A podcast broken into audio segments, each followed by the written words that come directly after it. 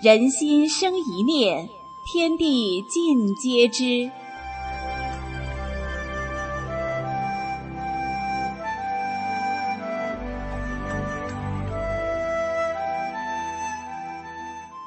听众朋友您好，欢迎收听明慧广播电台《善恶一念间》节目。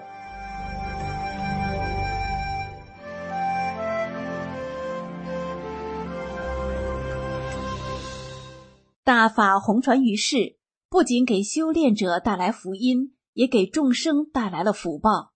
这样的例子比比皆是。今天我就讲讲我二姨家的故事。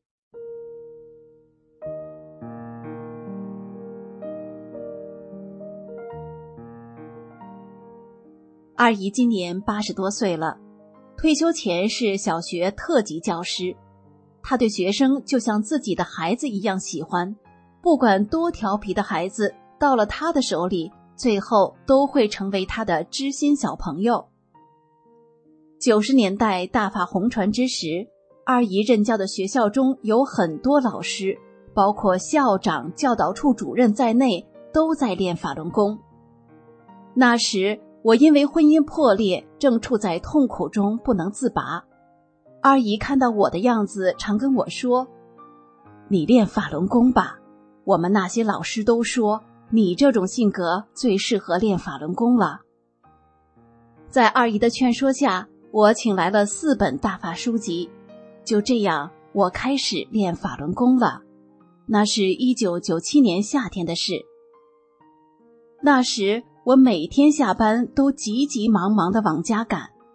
有一天。我忽然感到好奇，我有什么事儿这么着急？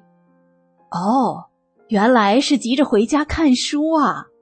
这让我的心情非常愉悦。不经意间，那块压在我心中的苦痛已经无影无踪了。大法不仅让我身心健康，还一扫往日的萎靡不振，我已经焕然一新了。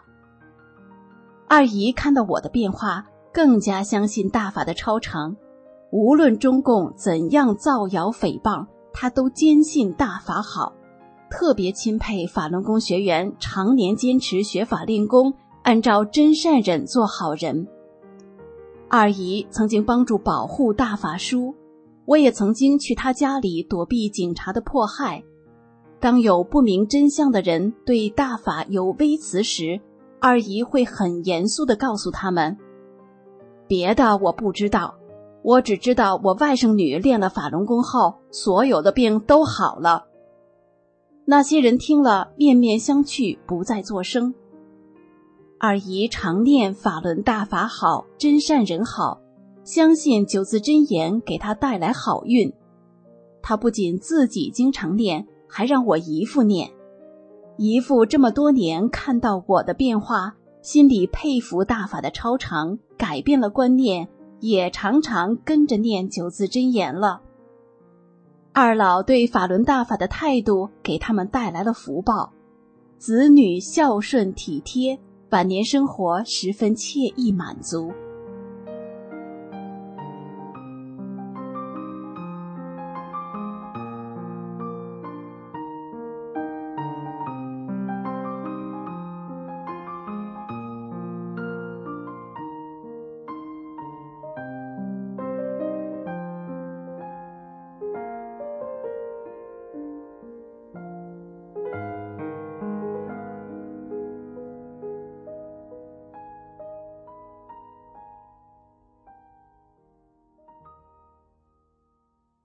再来说说我的表妹。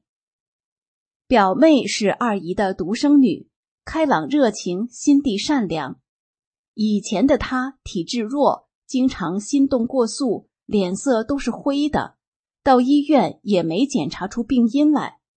再加上性情怯懦，一点事儿都会让她委屈的流泪。为此，二姨十分担忧。但是有一件事情改变了我对她的看法。那是二零零零年前后，二十出头的表妹终于检查出病因，好像是她的心脏上多了一条血管，需要通过微创手术治疗。但毕竟是心脏手术，风险很大，医院特地请来了北京的专家给他做手术。二零零零年正是中共疯狂迫害法轮功学员最严重的时期，很多人被中共造谣宣传蒙蔽，对法轮功误解很深。能够不随波逐流就已经不错了，能为法轮功发声更是难能可贵。我表妹就是这样一个可贵的人。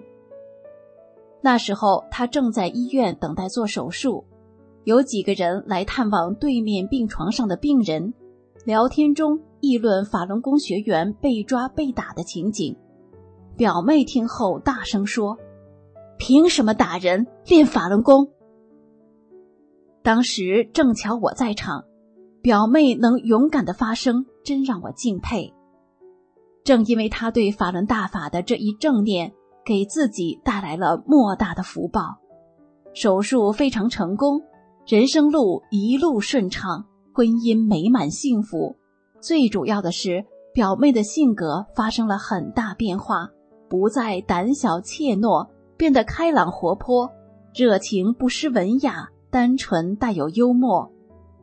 表妹没有后台，没有背景，就进到一个局级单位上班，这就是命运的安排。后来，她还被提升为副处级干部。表妹夫也从一个普通职工渐渐的提拔为管理人员。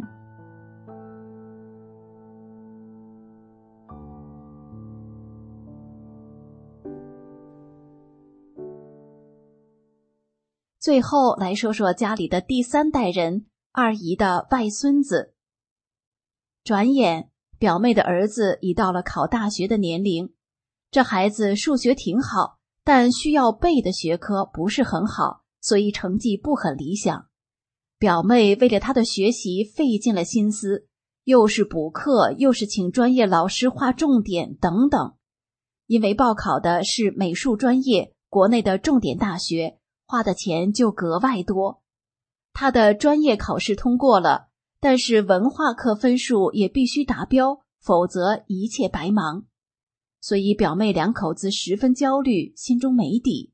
我告诉他们，叫孩子尽量念九字真言，自会有神助。考试那天，数学考完后，表妹问儿子感觉怎样，儿子说了句：“数学挺难。”表妹听后傻眼了，还指望儿子数学拿分呢。这下完了。我那天到妹妹家。看到表妹两口子一副焦虑的样子，特别是表妹神情沮丧、怨天尤人的，还从没见过她这个样子。我问有没有念九字真言，表妹说进考场前还嘱咐他呢。他说念了。我说那就放心吧。终于等来了发榜期，一天表妹打来电话。让我猜猜他儿子考了多少分儿，还一个劲儿的跟我卖关子。原来外甥考了四百七十分，他的数学是全班第一。表妹乐坏了，能考四百分就相当满足了。外甥的模拟考试从来没超过四百分，这真是个奇迹。表妹知道这是法轮大法带给他们的福分。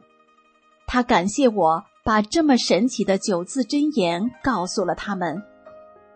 外甥顺利的考上了心仪的学校，今年读四年级，到了实习阶段。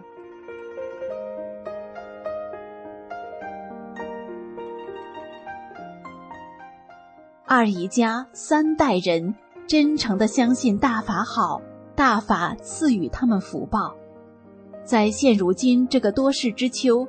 相信法轮大法好是趋吉避凶的唯一出路，迎接美好的未来。